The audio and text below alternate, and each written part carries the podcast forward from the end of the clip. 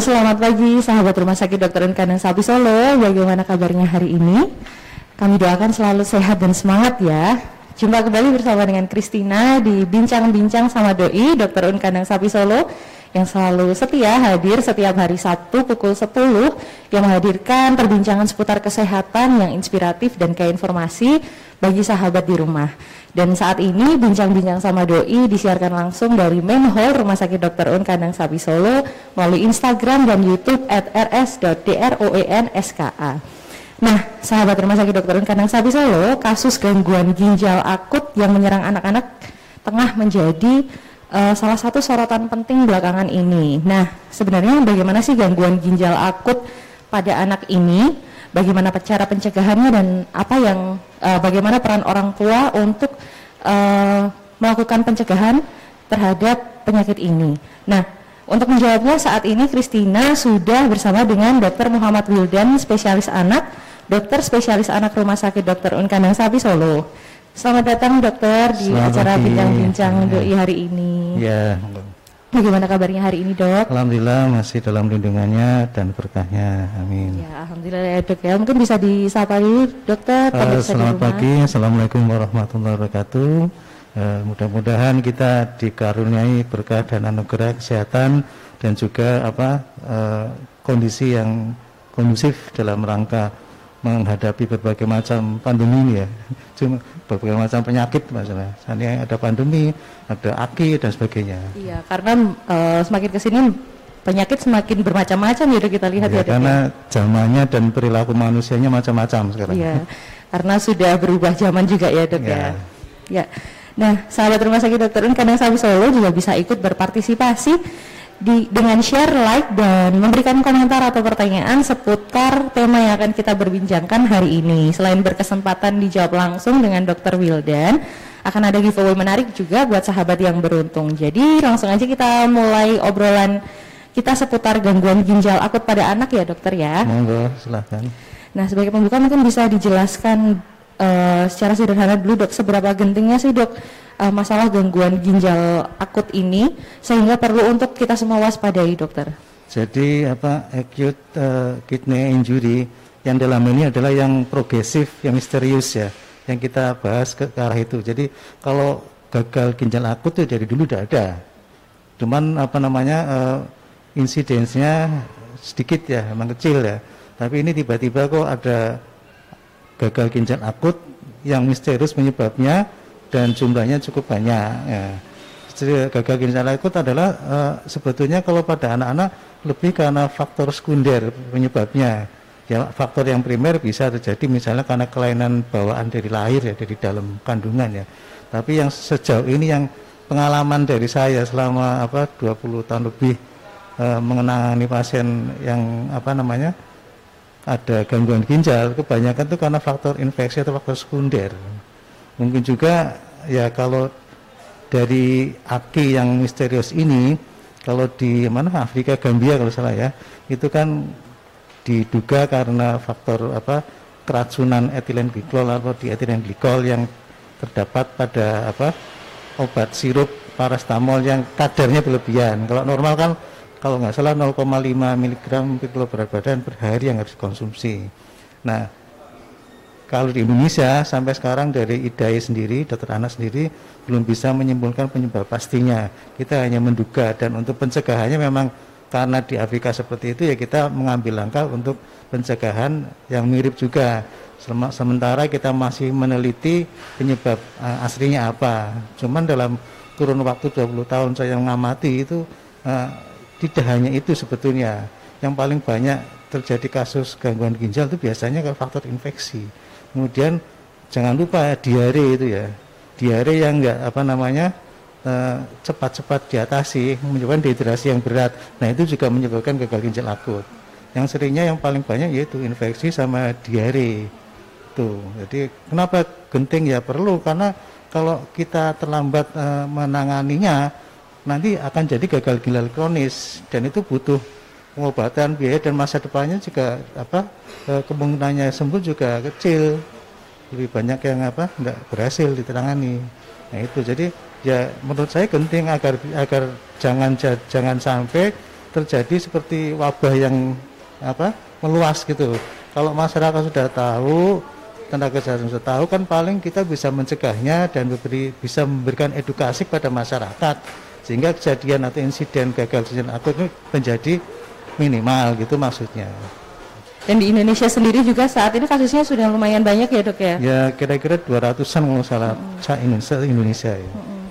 Kalau kemarin dari datanya Kemenkes hari Rabu sekitar sudah mencapai 325 yeah. uh, dok.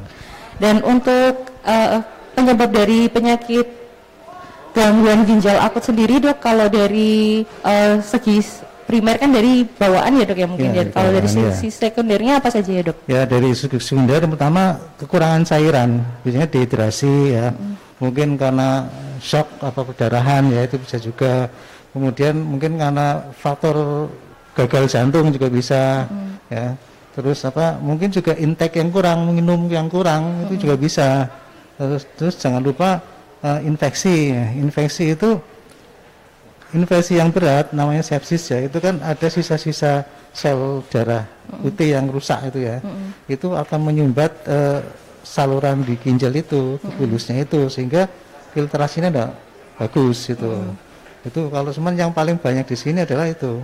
Nah, karena faktor dehidrasi dan infeksi banyak kan. Terus jangan lupa bahwa uh, yang kedua faktor dari ginjalnya sendiri kerusakan ginjal. Bisa bawaan ya bisa bisa juga karena penyakit infeksi. Misalnya ada radang tenggorok atau korengan. Ya itu apa namanya partikel apa komponen dari kuman itu bakteri itu kebetulan mirip-mirip dengan apa namanya eh, komponen dari sel ginjal.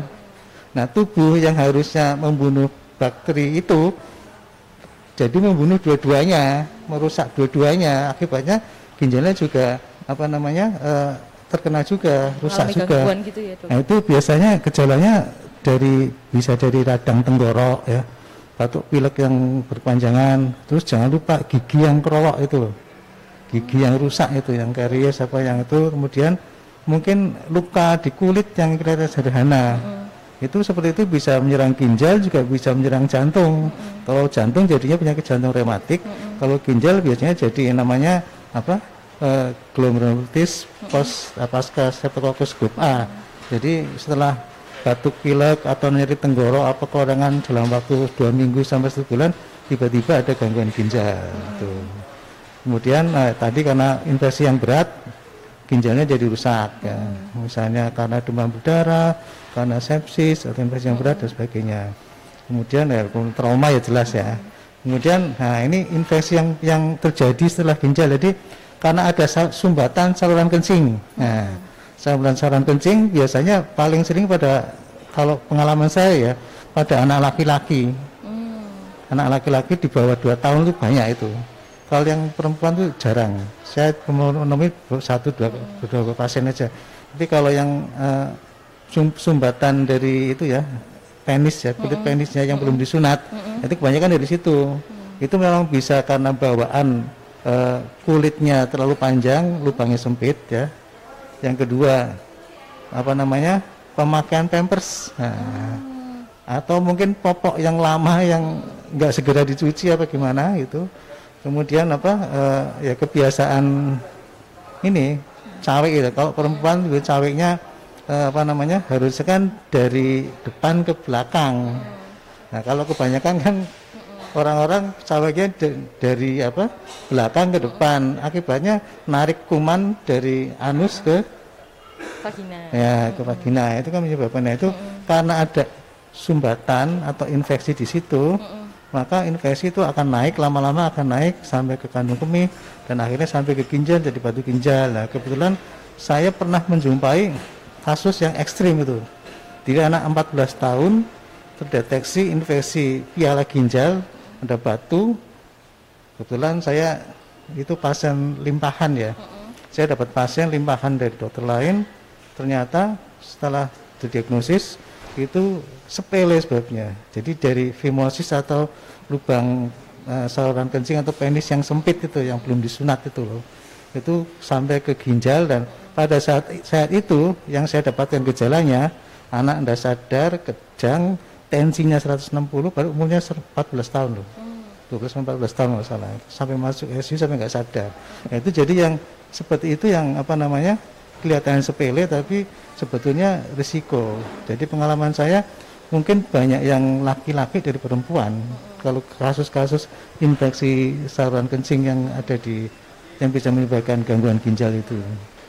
Jadi secara gender pun juga dan usia yeah yang paling rentan terkena itu uh, lebih banyak laki-laki ya dok ya anak laki-laki ya, ya dok lebih saya saya belum uh, mendapatkan angka yang pasti mm -hmm. lebih banyak lagi cuman pengalaman saya seperti itu saya baca-baca juga seperti itu kemudian uh, yang namanya sindrom nefrotik atau kelainan ginjal mm -hmm. uh, pada umur-umur start 2-3 tahun itu juga kebanyakan jadi pada anak laki-laki mm -hmm. dan itu kalau sampai berakhir sampai gagal ginjal ya otomatis lebih banyak pada laki-laki mm -hmm. cuman angka yang pasti saya belum menemukan mm -hmm.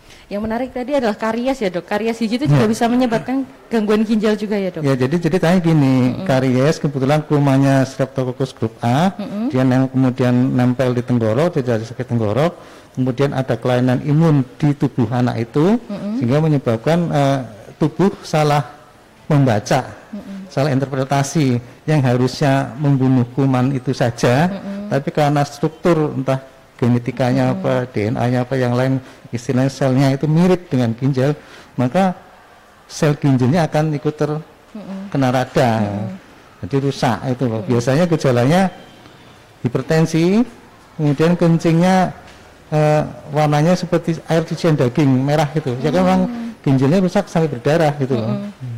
Terus ya biasanya ada panas, mual, muntah, kembung, hmm. apa buncit dan sebagainya. Hmm. Terus protein juga banyak keluar.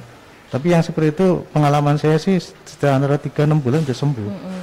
ya. Baik dok, berarti untuk uh, memang etilin glikol dan dietilina glikol ini memang diwaspadai ya dok, tapi ya. uh, masih banyak juga ya, faktor yang lain ya dok ya? Ya, yang belum kita teliti satu persatu. Mm -hmm. nah, cuman kemudian apa, eh, kadang-kadang uh, ini juga ya, uh, ya maaf ya, kadang-kadang mm -hmm. ada uh, berobat minum obat sembarang. Mm -hmm. Misalnya minum obat parastamol yang harusnya mungkin maksimal enam kali bisa berkali itu mungkin dosisnya juga berlebihan. Kemudian macam obatnya maksudnya kualitas obatnya ya saya nggak tahu. Uh, kadang kan ada obat KW ada obat palsu dan sebagainya itu juga bisa. Kemudian uh, kadang maaf uh, ngobati sendiri ya. Sudah sekian lama setelah ada apa-apa baru datang itu kan telat itu misalnya mm-hmm. kemudian maaf mungkin ada apa tenaga kesehatan yang non dokter ya bukan dokter itu kan kadang-kadang e, sebetulnya kan dalam prakteknya tidak boleh memberikan obat mm -hmm. kecuali dalam yang emergensi. Mm -hmm. Nah itu kadang-kadang dosisnya nggak tepat, obatnya nggak pas, ya, akibatnya itu. Mm -hmm. Kemudian ya itu dari apa namanya e, kan di sini juga banyak pengobatan alternatif, sinsai mm -hmm. dan sebagainya itu juga ya maaf kadang-kadang mm -hmm. obat sinsai pun saya tengerai ada juga yang mengandung yang tidak boleh gitu mm -hmm. lah. Gitu. Jadi memang yang paling tepat untuk uh, penggunaan obat ini yang diwaspadai semua orang ya dok, bukan cuma orang yeah, tua ya dok. Yeah. Buat anak, buat yang dewasa juga itu perlu konsultasi sama dokter yeah. gitu ya dok ya. Kalau masalah obat sih kita kita tidak menyalahkan siapa-siapa, mm -hmm. baik POM maupun produsen obat ataupun apa namanya pemakainya ya. Mm -hmm. Mungkin saja waktu produksi ada kesalahan ya bisa mm -hmm. aja kan. Terus ya itu mungkin ya ini kritik aja kepada mm -hmm. apa uh, POM bahwa kalau BP POM kalau bisa uh, yang namanya apa namanya uh, pemeriksaan obat itu kan tiap produksi kan ada nomor batchnya nomor sekian sampai sekian. Diambil sampelnya berapa gitu. Lah mungkin saja mungkin yang diambil nggak pas ya bisa aja. Nah, mungkin sertifikat keluar pada saat tanggal sekarang. Tapi setelah satu tahun mungkin ada maaf ya produksi mm produksi yang nakal terus berubah. Nah kita nggak bisa deteksi ya itu ya bisa juga jadi selain apa obat juga kita perlu waspadai, hmm. kita juga uh, perlu waspadai juga uh, lifestyle-nya nah, juga ya ini, ini ya. juga kritik buat saya dan saran buat mm -hmm. produsen kalau sudah seperti ini mm -hmm. tolong cantumkan kadar ET apa EG ED. atau DEG mm -hmm. atau yang zat aditif yang berbahaya dicantumkan berapa apa namanya uh, miligram seperti itu ya kadarnya, kadarnya sehingga ya, apa pemakai juga mm -hmm. tahu kalau obatnya obat bebas mm -hmm. bisa tahu oh misalnya ternyata kalau dihitung-hitung tidak mm -hmm. boleh minum lebih dari -hmm. tiga mm -mm. sendok teh misalnya mm -mm. kan ada kadarnya di situ mm -mm. nah kalau nggak ada kali kita nggak tahu mm -mm. gitu jadi ya lebih terbuka lagi harusnya mm -mm. bukan hanya cuma meng mengandung parastamol sekian miligram mm -mm itu sih mungkin masih biasa-biasa mm -mm. tapi yang harus penting loh mengandung zat aditif misalnya zat warnanya apa mm ya toh? Mm kemudian apa kandungannya apa mm kadarnya berapa. Nah, terus lagi ya ini ini ini pikiran saya sendiri. Selama ini kan kita terfokus pada parastamol obat sirup mm ya. Kita nggak mikir bagaimana makanan bayi itu. Mm bubur bayi yang makainya zat warnanya apa, mm. Esensnya apa, mm -hmm. kadarnya berapa, komponennya apa aja, kita nggak mm -hmm. lewat aja. Jangan-jangan mm -hmm. di situ mm -hmm. kelewatan. Mm -hmm. Atau mungkin maaf bubur-bubur yang dijualan di pinggir jalan, mm -hmm. itu kan sekarang banyak misalnya bubur bayi sehat, mm -hmm. bubur bayi bergizi. Mm -hmm. Nah itu pernah nggak penelitian di situ? Mm -hmm. Kan kita belum bisa mendeteksi. Mm -hmm. Jadi ya tidak semata-mata dari obat itu mm -hmm. mungkin jangan-jangan dari buburnya mm -hmm. gitu jadi memang akan lebih baik kalau semua yang dikonsumsi oleh anak-anak terutama ya dok ya itu ya. olahan gitu ya dok ya ya paling aman ya masak sendiri masak sendiri di rumah Allah, karena ya. sudah terpantau ya dok ya. apa saja nutrisi yang diberikan oleh ya. kepada anak gitu ya, ya dok ya Nah, terpantau ini sudah ada beberapa pertanyaan yang masuk dari sahabat rumah sakit Dokter Un Kanang Sapi Solo. Kita bacakan satu persatu ya dokter ya. Ini dari Ed Lestari 150990. Apa gejala gangguan ginjal akut pada anak dok? Jadi ini seperti gejala awalnya gitu ya dok mungkin. Kalau gejala awalnya mungkin diawali dengan ya tergantung penyebabnya juga. Mm -mm. Kalau penyebabnya ternyata etilen glikol atau di etilen glikol mungkin awal tahap pertama seperti orang mabuk, seperti orang minum alkohol, karena metabolisme zat itu di hati menimbulkan uh, seperti etanol ya, seperti alkohol efeknya, mabuk, bicara ngawur, yes. ya isinya apa, orang mabuk seperti orang mabuk gitu ya. Yang gejala berikutnya mungkin gangguan ini, irama jantung, dengan nafas ya, sadaran. Nah kalau yang terakhir mungkin uh, ini urinnya yang berkurang. Urin normal kan pada bayi atau balita sekitar eh, 1 sampai 2 ya sampai 2 eh, cc per kilogram badan per hari. Kalau pada agak besar anak ABG mungkin cuma 1 cc lah 1 cc per kilogram badan per hari. Tergantung intake minumnya juga. Jadi kalau itu kalau kalau yang penyebab lain ya sesuai dengan apa namanya penyebabnya itu. Misalnya ternyata penyebabnya uh, uh, apa namanya? Dehidrasi. Mungkin udah ada gejala diare muntah panas ya. Nggak mau makan nggak mau minum. Terus mungkin apa? Uh, gejala bawaan. Mungkin ada benjolan di dalam perut dan sebagainya. Saya kira itu gejalanya ya sesuai dengan ke arah mana penyebabnya. Cuman uh, uh, apa namanya ya kadang-kadang diawali dengan batuk pilek panas. Ternyata radang. Ternyata radang itu seperti tadi kumannya mirip dengan apa sel ginjalnya. Sehingga sel ginjalnya ikut rusak karena proses uh, antibodi dari tubuh memakan kuman itu juga memakan sel ginjalnya itu. Hmm, jadi awal macam-macam gejalanya. Kalau secara umum yaitu kalau gejala gangguan ginjal sendiri umumnya adalah apa namanya ada mual ya. Mungkin diare muntah terus apa uh, tensinya. Karena ginjal itu uh, dia ngatur tensi juga ada hormonnya. Kemudian juga mungkin pucat anemia karena ginjal juga ngatur apa produksi sel darah merah juga. Nah, itu yang awal-awal awal-awal mungkin gejala penyakit primernya apa baru muncul gejala gagal ginjal asli. Nah kalau sudah gagal ginjal, otomatis ya harus dibawa ke rumah sakit, harus ke dokter ya, ke spesialis. Kalau di atas sendiri nggak bisa. Jadi itu kemudian mungkin panas juga. Tapi lebih banyak mungkin kalau yang gagal ginjal sekarang ya, menurut saya itu datangnya sudah tahap dalam apa yang sudah akut yang sudah lama, sudah penyakit apa namanya primernya sudah nggak ada gitu loh. Gitu.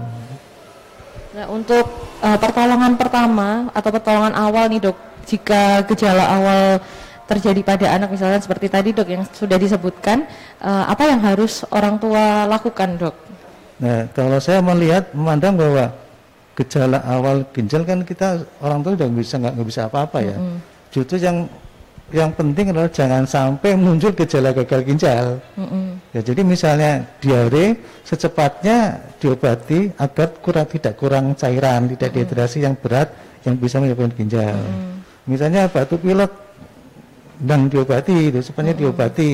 Jangan sampai uh, infeksinya merangsang imun tubuh untuk bereaksi mm -hmm. atau menjadi infeksi yang berat itu loh. Mm -hmm. Jadi yang penting malah di situ. Kemudian misalnya ada uh, ini yang paling banyak yang kasusnya banyak fimosis ya fimosis tuh ujung kemaluan laki-laki mm -hmm. penisnya itu mm -hmm. ya birunya itu kulitnya lubangnya terlalu sempit mm -hmm. sehingga lama-lama di situ uh, akan apa timbul sumbatan infeksi mm -hmm. nah, kemudian ya larinya ke mana-mana udah mm -hmm. oh, di situ ke, ke, uh, ke mana infeksi kencing di penis, kemudian di kandung kemih, kemudian sampai ke ginjal. Mm-hmm. Itu juga bisa andil ke situ. Ya, kan? sebelum sebelum terjadi yang macam-macam, sebaiknya seperti hitan itu. Soalnya mm-hmm. nanti kalau sampai terjadi macam-macam ya karena saya sendiri pernah mendapatkan kasus seperti itu. Mm-hmm. Walaupun belum sampai gagal ginjal, mm-hmm. baru awal-awal gangguan mm-hmm. ginjal. Tapi itu sudah hipertensi, sudah kejang, mm-hmm. sudah tidak sadar itu. Mm-hmm. Ya. Itu sudah lumayan Parah itu ya, kalau nggak ketemu ya, padahal itu sudah sudah beberapa dokter bahkan hmm. sudah di BMP dua kali. Hmm. BMP itu diambil sumsum -sum tulangnya dua kali. Hmm. Sampai ke situ padahal sebabnya sepele banget. Hmm. Ternyata ada itu apa? Hmm. Fimosis atau infeksi di ujung penisnya hmm. yang kemudian merembet sampai ke ginjal. Hmm. Baik dok. Terus hmm. kalau dengan gejala awal yang seperti tadi dok, uh, kapan seharusnya orang tua membawa uh, memeriksakan anak ke dokter dok?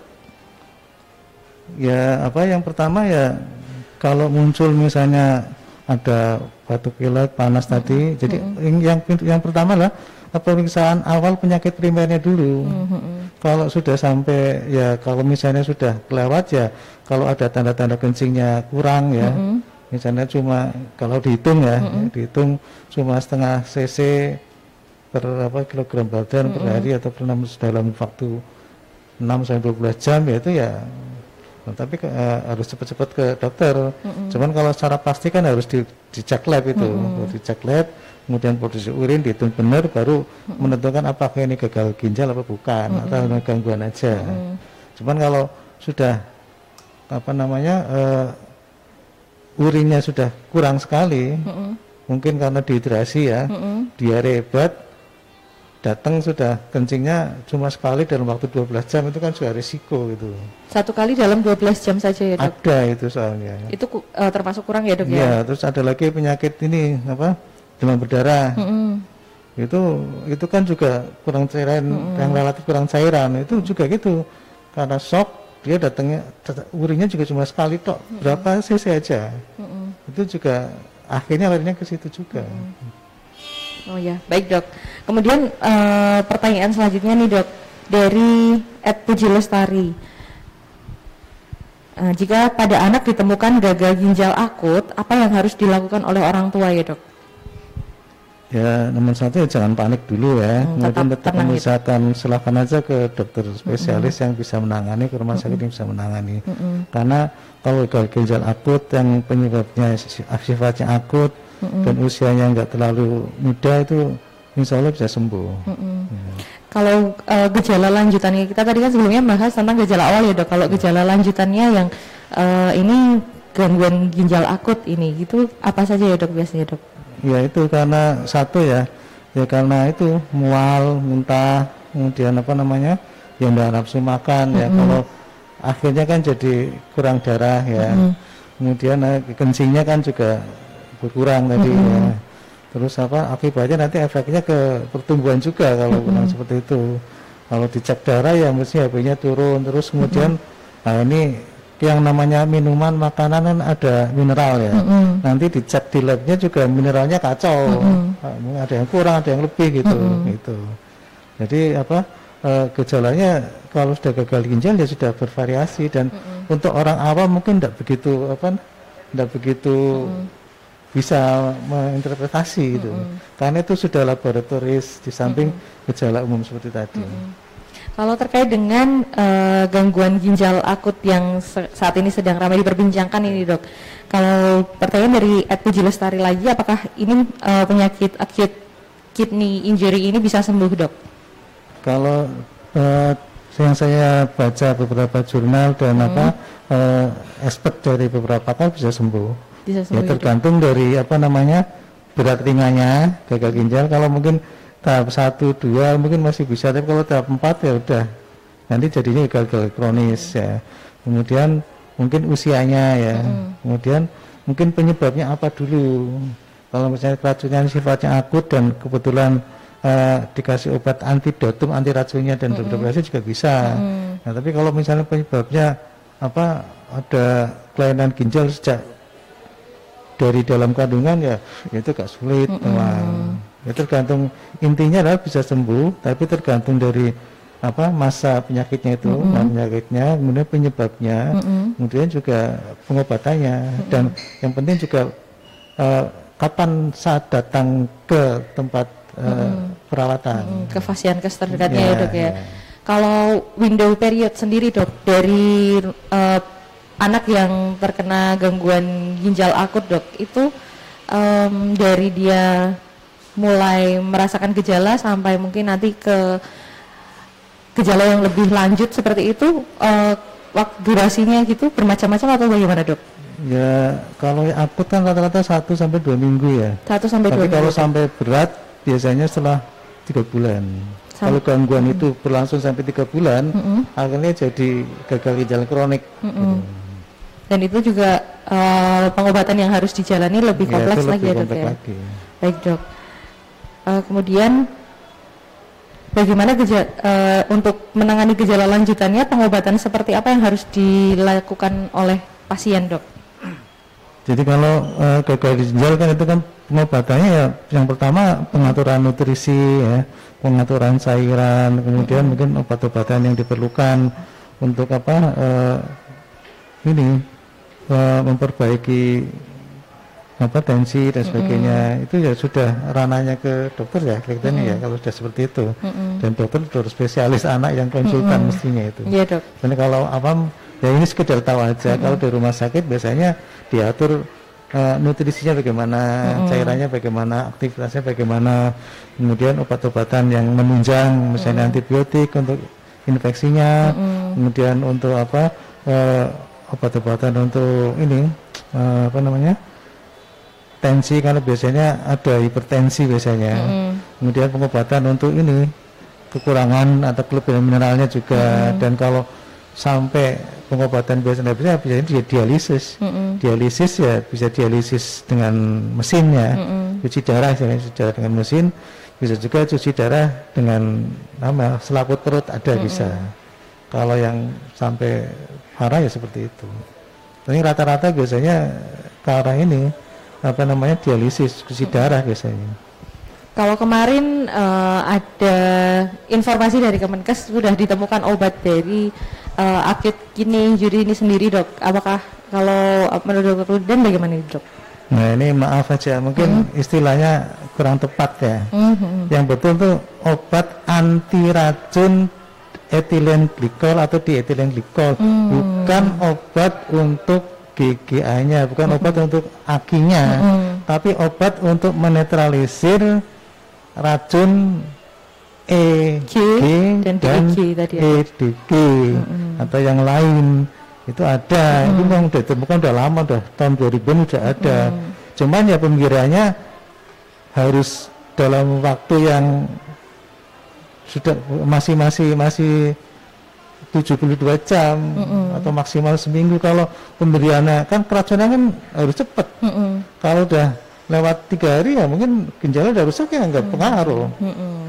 Nah, kemudian pemberian itu juga eh, kalau penye- penyebabnya ternyata bukan EG dan D, eh, EDG Mm-mm. ya nggak pengaruh Iya betul dok. Jadi Jadi, harus- case by case juga ya dok ya harus diketahui penyebabnya Iya, ya dok. penyebabnya apa penyebab primernya itu apa nah kalau semua semua orang semua balita dikasih itu ya ya bubrah nanti. Iya, betul, Jadi jangan salah jangan salah tafsir Persepsi, ya, mm-mm. persepsi bahwa itu bukan obat untuk gagal ginjal akut Mm-mm. yang misterius, tapi obat anti racun EG dan DEG. DEG.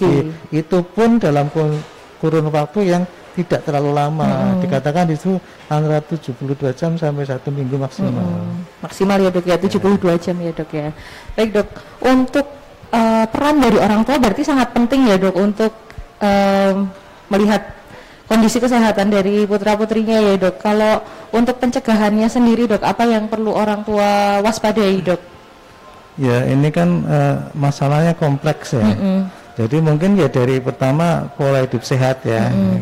Yang kedua mungkin makanan kalau bisa nggak usah instan ya. Nggak usah instan. Bayi itu pengalaman anak saya sendiri nggak makan instan, semua bikin sendiri.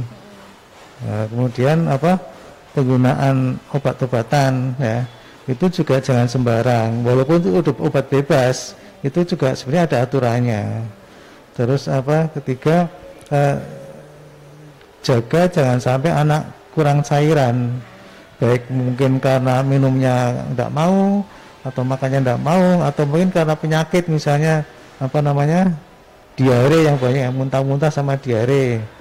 Kemudian eh, waspadai kalau misalnya anak sering sakit tenggorok sakit gigi atau sering batuk pilek itu juga kadang-kadang bisa berdampak pada infeksi di ginjal apa peradangan di ginjal. Bahkan apa namanya istilahnya korengan yang lama pun bisa seperti itu kemudian eh, ya berobatlah kalau bisa ke dokter yang yang yang kompeten. Eh, ya maaf kadang-kadang ada tenaga kesehatan lain yang harusnya tidak kompeten malah mengobati. Akibatnya ya mungkin bisa overdosis atau kurang dosis atau gimana saya nggak tahu ya. Kemudian eh, kadang-kadang yang kita memilih obat apa ya terus terang aja kita karena ekonomi kurang jadi obat yang murah nah, padahal obat yang murah itu belum tentu juga bagus. Ya, masalahnya kan ada harga ada rupa ya. Kalau obat tertentu saya pernah mendapatkan sendiri masalahnya. Dan itu obat paten sebetulnya. Ternyata kok bisa harganya lebih miring? Ternyata kandungannya ya 90% dari yang yang ori gitu ya. Memang nggak mahal. Jadi ya kita pilih-pilih gimana. Nah terus eh, ya pilih obat ya jangan sembarangan. Cuman memang ya saya tengerai bahwa ini kan kondisi pandemi ini kan begitu menekan ekonomi ya. Sehingga daya belinya kurang jadi orang tuh mungkin beli obat ya sekenanya sebisanya. Terus ya ini tetap aja kan covid juga efeknya pada peradangan secara menyeluruh di organ tubuh. Ya bisa merusak otak ginjal jantung dan sebagainya. Itu ke ke eh, dugaan sana juga masih bisa jadi begitu kompleks ya dok ya nggak nggak bisa nih. Ya, baik dok. Kemudian eh, yang menarik ini tadi luka koreng di luar gitu juga bisa mempengaruhi sama ginjal ya dok. Itu bisa bagaimana dok? ya, itu dia ceritanya mirip dengan apa radang tenggorok Mm-mm. itu ada komponen dari kuman itu Mm-mm.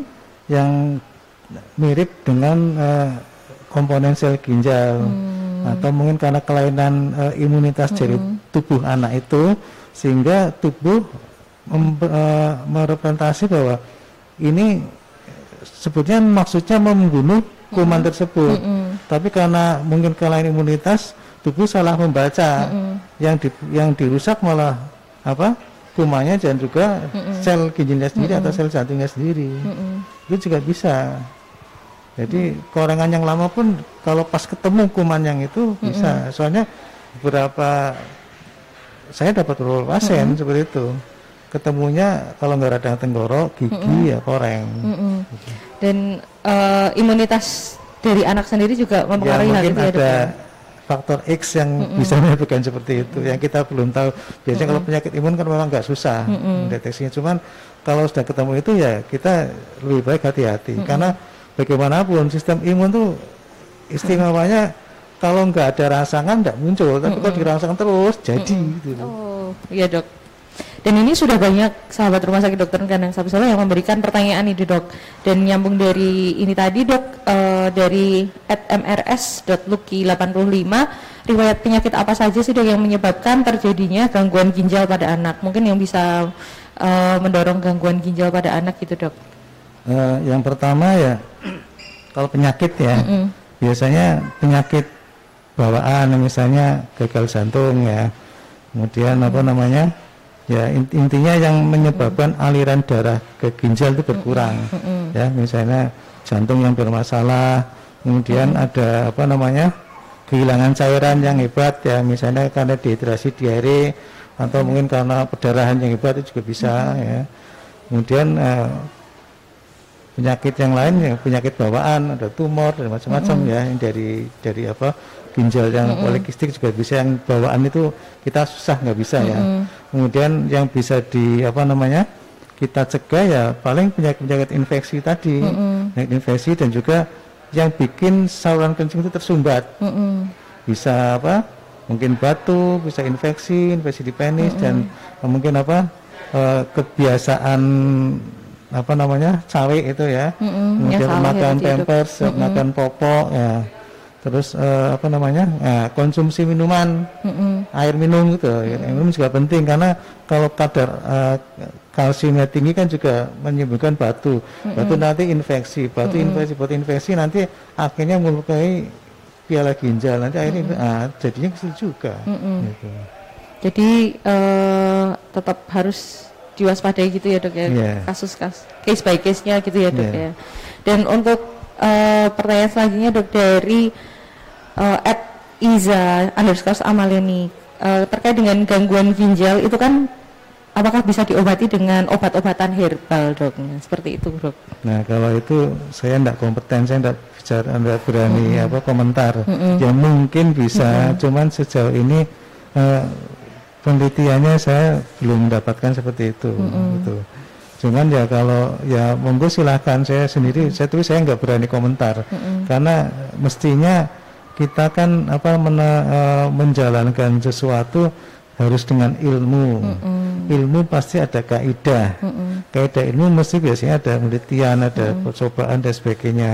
Uh, jangan sampai misalnya ya ada sih sesuatu misalnya pengobatan, oh ini minum herbal A bisa sembuh mm -mm. penyakit B ini ternyata setelah dititi dari yang minum seribu orang yang sembuh cuma satu atau dua mm. itu kan ya enggak ya kecuali mm. memang ada ilmunya ya monggo silahkan mm. tapi sekarang sudah mulai berkembang apa namanya uh, farmako dari herbal ini jadi mm. ilmu farmasi yang berkaitan dengan herbal sekarang ada ilmunya sendiri mungkin dari itu bisa cuman uh, belum begitu populer dan orang masih apa namanya terbatas itu loh Nah kalau yang seperti itu ya ya kita tunggu aja mudah-mudahan bisa ditemukan seperti itu.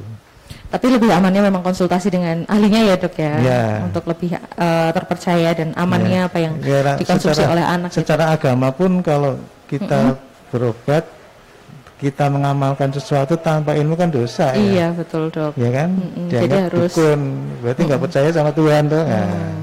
Jadi memang uh, akan lebih baik jika kita juga bisa uh, periksa ke dokter, ke ahlinya hmm, sehingga yeah. uh, apa yang diberikan kepada anak juga nggak sembarangan gitu ya dok yeah. ya. Dan pertanyaan dari uh, sahabat yang bergabung di YouTube at Maria Heni Kristiani Handoyo, bagaimana cara orang menyukai air putih dan bagaimana cara memilih makanan uh, tengah makanan cepat saji dan cemilan bervaksin dok. Terima kasih dokter Wildan. Wah itu kalau minum air putih itu ya mm. yang masing-masing punya trik sendiri ya. Mm. ya kalau dari saya ya kita berikan pengetahuan yang secukupnya, mm. yang sesuai mm dengan jalan yang mungkin tidak terlalu ekstrim gitu loh. Kemudian kalau yang mengetahui vaksin, nah kalau saya sendiri kan alhamdulillah saya nggak pakai vaksin, mm -hmm. anti vaksin ya. Mm -hmm. Jadi kalau makanan ada vaksin saya kerasa itu yang mm -hmm. vaksin. Nah kalau harus ngetesnya gimana ya itu masing-masing orang sendiri-sendiri ya. Sendiri ya dok ya. Nah, kalau paling pasti ya pakai lab ya, mm -mm. pakai tes pakai kimia. Mm -mm. Tapi kalau insya Allah kalau tidak biasa pakai vaksin, mm -mm. terus kita makan makanan ada vaksinnya, kita tahu ini campuran. Mm -mm. Ada ada beda. Terus mm -mm. dari rasanya kan mungkin terlalu mm -mm. ekstrim ya, mm -mm. terlalu gurih apa apa, terlalu mm -mm. enak itu kan kita curiga. Yeah. Ya, misalnya ada ayam ayam kan rasanya seperti itu ya mm kok tiba-tiba gurih sekali ada apa ya? Itu kan juga curiga. Mm. ya dok. Baik dok. Pertanyaan selanjutnya ada nyambung nih dok uh, terkait dengan uh, gangguan ginjal akut. Dari Requelvika, apakah anak itu juga harus banyak minum air putih untuk menghindari gangguan ginjal dok? Kalau sudah karena gagal ginjal akut mm -hmm. ya minuman diatur mm -hmm. harus lebih waspada ya, ya dok ya, ya masuk masuk berapa keluar mm -hmm. berapa jangan sampai kelebihan atau kelebihan nanti bengkak nanti mm -hmm. udah bengkak tambah minum tambah bengkak mm -hmm. gitu loh mm -hmm. nah kalau uh, orang biasa mm -hmm. anak normal ya ya sesuai dengan berat badan anak itu mm -hmm. dan umurnya rata-rata mm -hmm. kan 10 untuk untuk 10 10 kg pertama kan 10 cc mm -mm. per kilo. Mm -mm. Ini nyambung pertanyaan per, per, dari Jadi misalnya mm -mm. 10 uh, berat badannya 10 kilo mm -hmm. itu kira-kira satu liter antara 800 sampai 1 liter. Mm -hmm. Kalau naik sedikit ya mungkin tambah sedikit seperempatnya mm -hmm. sepertinya. Jadi kalau bayi biasanya kalau bayi ceprot baru lahir ya kira-kira mm -hmm. antara 90 sampai 100 cc per kilo. Mm -hmm. berarti 3 kilo berarti sehari paling ya sekitar itu paling apa namanya antara 200 mm -hmm. 300 mm -hmm. itu kalau yang bayi agak agak tua udah enam mm -hmm. bulan mungkin bisa sampai 700 mm -hmm. kalau saya secara kasar ya mm -hmm. sesuai berat badan kalau berat badan patokan berat badan 10 itu berarti satu liter berat badan 10 kilo butuh asupan satu, cairan satu liter setiap lima, harinya ya kalau 5 ya? kilo kira-kira 500 gampangnya seperti itulah mm -hmm. plus minusnya seperti itu ini nyambung dengan pertanyaan dari Pipitar Vita bagaimana cara menghitung kebutuhan cairan terkhusus pada anak dok nah itu kira-kira seperti mm -hmm. itu setiap 10 kilo satu liter ya dok ya, ya? itu 10 kilo pertama mm -hmm. nanti 10 kilogram kedua separuhnya Oh, begitu. Misalnya anaknya beratnya mm -mm. apa e, 12. Mm -mm. 12 kan berarti 1 liter mm -mm. ditambah 50 plus 50 110 mm -mm. apa? satu satu seribu satu mm ya apa bukan di seribu satu mm -hmm. kalau sampai lima belas berarti seribu dua ratus lima puluh gitu berarti kalau dua puluh kilo uh, berarti sekitar lima belas ya satu setengah liter lah kira-kira liter ya, itu ya? kira-kira aja mm -hmm. perkiraannya seperti itu ya yeah. dok ya tergantung dengan berat badan anak ya dok yeah, ya nah itu kadang-kadang gini mm -hmm. anaknya gemuk berat badannya tinggi ya kita mm -hmm. harus ngitung sesuai berat normal menurut umur mm -hmm. misalnya ada anak umur uh, dua tahun mm -mm. beratnya udah 20 kilo kan nggak normal mm -mm. harusnya dua tahun kira-kira antara 12 sampai ya 14 kilo ya mm -mm. berarti kebutuhannya kan paling 1100 mm -mm. 1200 kalau dihitung 1500 kebanyakan mm -mm. jadi hitungannya tuh kalau berat badan anak mm -mm. sesuai umur mm -mm. kalau ada obesitas ya dihitung sesuai umurnya berapa mm -mm. berarti dihitung sesuai umurnya juga ya dok yeah. ya selain dari berat badan baik dok uh, dan bagaimana cara menghitung diuresis anak ya dok ya? Ya Masuk. kalau mau kalau mau hmm. apa dihitung ya ditampung hmm. sehari semalam berapa? Hmm. Kalau normalnya kan kalau bayi misalnya ya itu sekitar 1 sampai 2 cc per hmm. kilo hmm. per hari ya. Kalau sudah ABG 10 tahun lalu mungkin antara 1 cc per hmm. kilo per hari. Jadi itu ditampung. Ditampung ya dok ya, ya. untuk tahu ya dok ya. Iya. Dan Nanti kan ketemu mm-hmm. per 24 jam ketemunya berapa cc mm-hmm. per kilo berat badan mm-hmm. per hari gitu. Baik dok, dan ini nyambung juga pertanyaan dari Etriza underscore Amale Leoni. Bagaimana sebagai orang tua kita bisa mengetes jumlah air urin anak dok, terutama bagi balita yang masih menggunakan diapers atau popok dok? Ditimbang. Ditimbang ya dok yeah. ya? Ditimbang hmm. kosong berapa, hmm terus uh, setelah ada pipisnya berapa mm -hmm. tapi jangan lama-lama 6 jam baru ditimbang sudah menguap semua harusnya ya mm -hmm. ya satu jam ditimbang lah mas mm -hmm. tapi kalau apa misalnya pipisnya pakai pampers mm -hmm. jam 6 mm -hmm. terus jam 7 pipis mm -hmm. terus diganti jam satu siang baru ditimbang mm -hmm. ah ya itu udah yang ditimbang semua. apanya nih dok apa yang ditimbang pampersnya ya dok ya, ya kira-kira berat turin kan BC-nya kan 1,0 sekian itu ya mm -hmm. kalau uh, anggaplah itu satu gitu lah mm -hmm. jadi misalnya tadinya apa namanya beratnya pampers berapa sih dua on misalnya ya mm -hmm. terus jadi tiga on oh, berarti mm -hmm. kan naiknya tiga mm -hmm. tiga tiga on ya mm -hmm. tiga on berarti kira-kira ya berapa 300 cc apa 200 cc itu itu kira-kira asal nimbangnya jangan 6 jam loh ya paling satu jam Setiap satu jam gitu. Nah kalau udah 6 jam kan udah kering. iya, sudah menguap ya dok ya. Baik dok.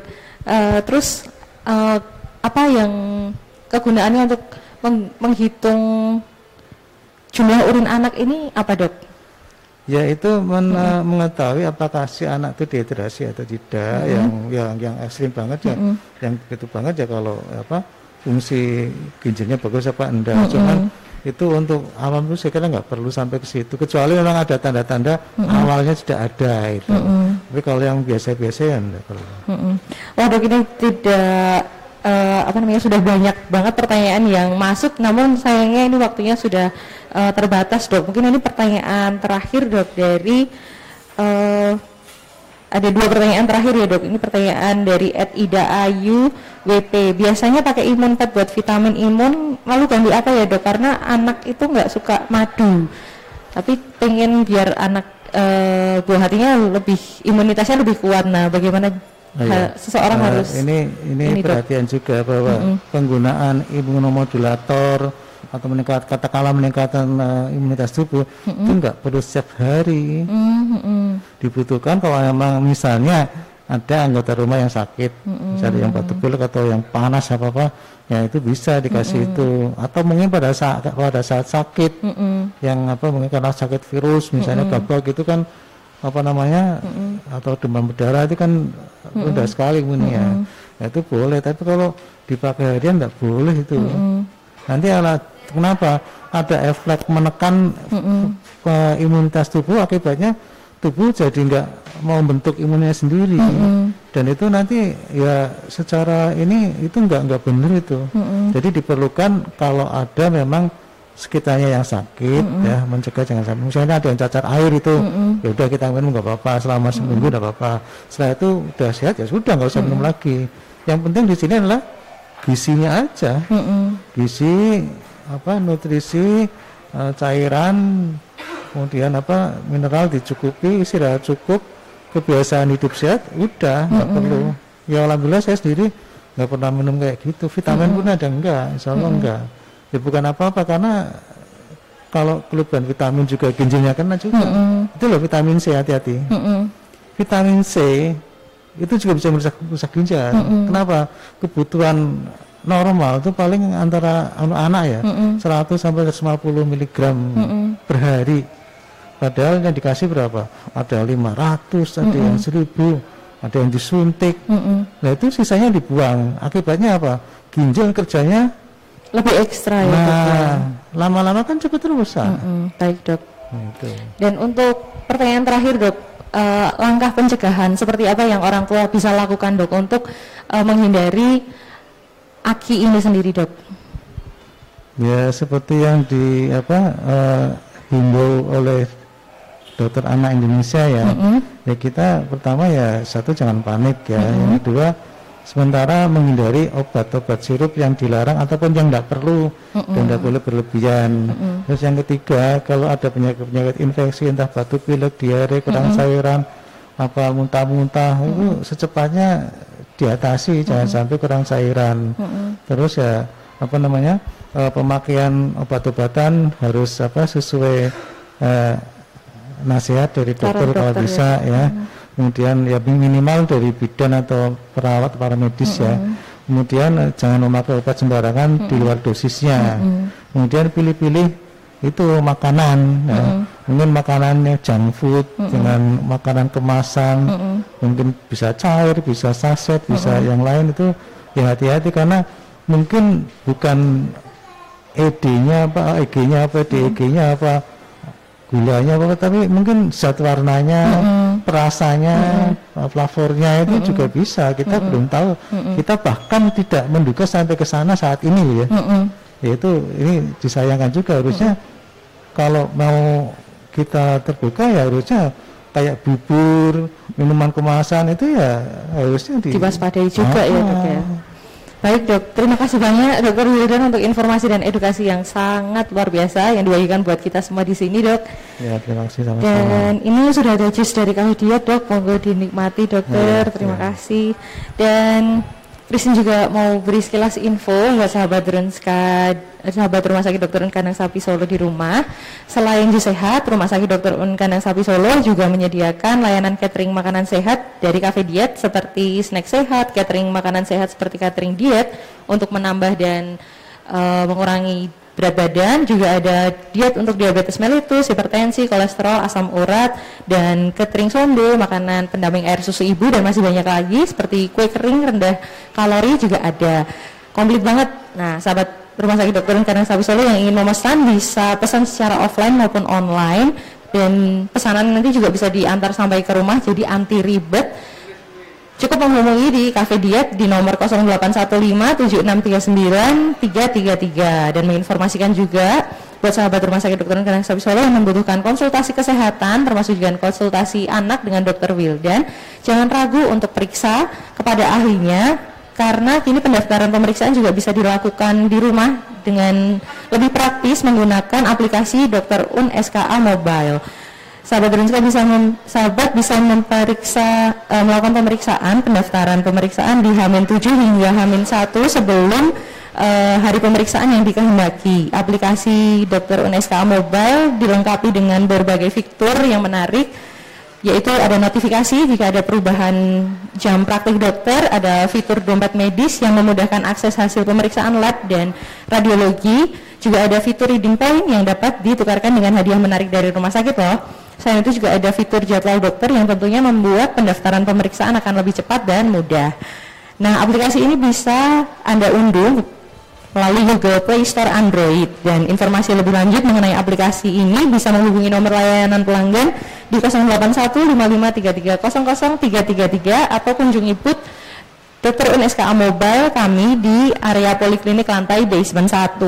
Nah, Dokter Wildan tidak terasa waktu uh, perjumpaan kita bersama sahabat Rumah Sakit Dokter Kadang Sapi Solo sudah uh, hampir habis. Terima kasih banyak untuk edukasinya dokter yang Sama-sama, sudah diberikan kepada. Semoga bermanfaat. Iya, terima kasih dokter dan mungkin sebelum kita tutup uh, ada take home message yang bisa disampaikan sama pemirsa di rumah dokter.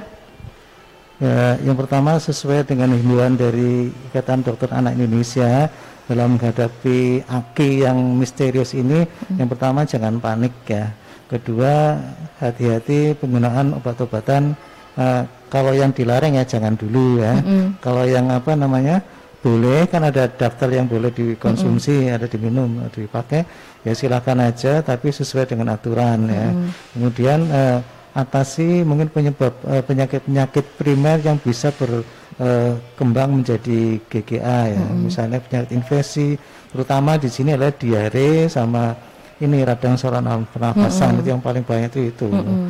Kemudian uh, uh, yang penting juga makanan. Nah, mm -hmm. makanan juga kalau bisa hijau makanan instan mm -hmm. ya, apalagi yang menggunakan esens, zat aditif yang kita nggak tahu. Mm -hmm. ya. Kemudian ya yang ketiga mungkin cukup minum ya mm -hmm. untuk anak-anak usahakan minum dari yang air yang aman ya. Mm -hmm. Jangan yang maksudnya yang pakai kadang-kadang kan ada air mineral tapi yang macam-macam. Mm -hmm. nah, itu untuk anak tuh nggak boleh ya. Mm -hmm. Kemudian terutama ini penggunaan vitamin C. Mm -hmm. Tolong jangan over mm -hmm. pemakaian berlebihan. Kebutuhannya cuma antara 100 sampai 150 per hari, miligram per hari jadi nggak mm. perlu 500 mg seperti yang diiklankan. Apalagi iklannya kan heboh banget tuh. Mm -hmm. Setiap apa minum vitamin C 1000 mg nah, itu nggak benar itu. Kalau saya terlalu banyak ya. Ya nanti akibatnya ginjal kerja keras ya mm -hmm. sesuatu yang kerja keras nggak rusak. Ya sesuatu yang bekerja keras tidak bagus. Iya, jadi mesti yang... ya secara alamiah gitu mm -hmm. ya. Walaupun pastinya saya nggak tahu, mm -hmm. cuman Kira-kira begitu. Baik, terima kasih banyak Dokter Wildan. Ini ada kenang-kenang dari rumah sakit dokter. Ada tumbler, monggo dokter. Oh, ya. ya ini ya. dapat hadiah. nah, sahabat, sahabat rumah sakit dokter Karang Solo, terima kasih banyak atas uh, partisipasinya. Terima kasih untuk yang sudah selalu setia dan mendukung bersa- bergabung bersama kami di kegiatan bincang-bincang doi. Selamat melanjutkan aktivitas, tetap jaga kesehatan, jaga imunitas, jangan lupa bahagia dan tetap patuhi protokol kesehatan yang ada. Saya Kristina, mohon maaf apabila ada salah kata atau ucap yang saya sampaikan dan Pemenang giveaway akan diumumkan besok melalui IGTV at rs.dronska. Jadi tetap ikuti sosial media kami di Facebook, Instagram, Spotify, dan YouTube kami at rs.dronska serta website www.dronska.com. Terima kasih, sampai jumpa di acara bincang-bincang doi selanjutnya. Bye bye.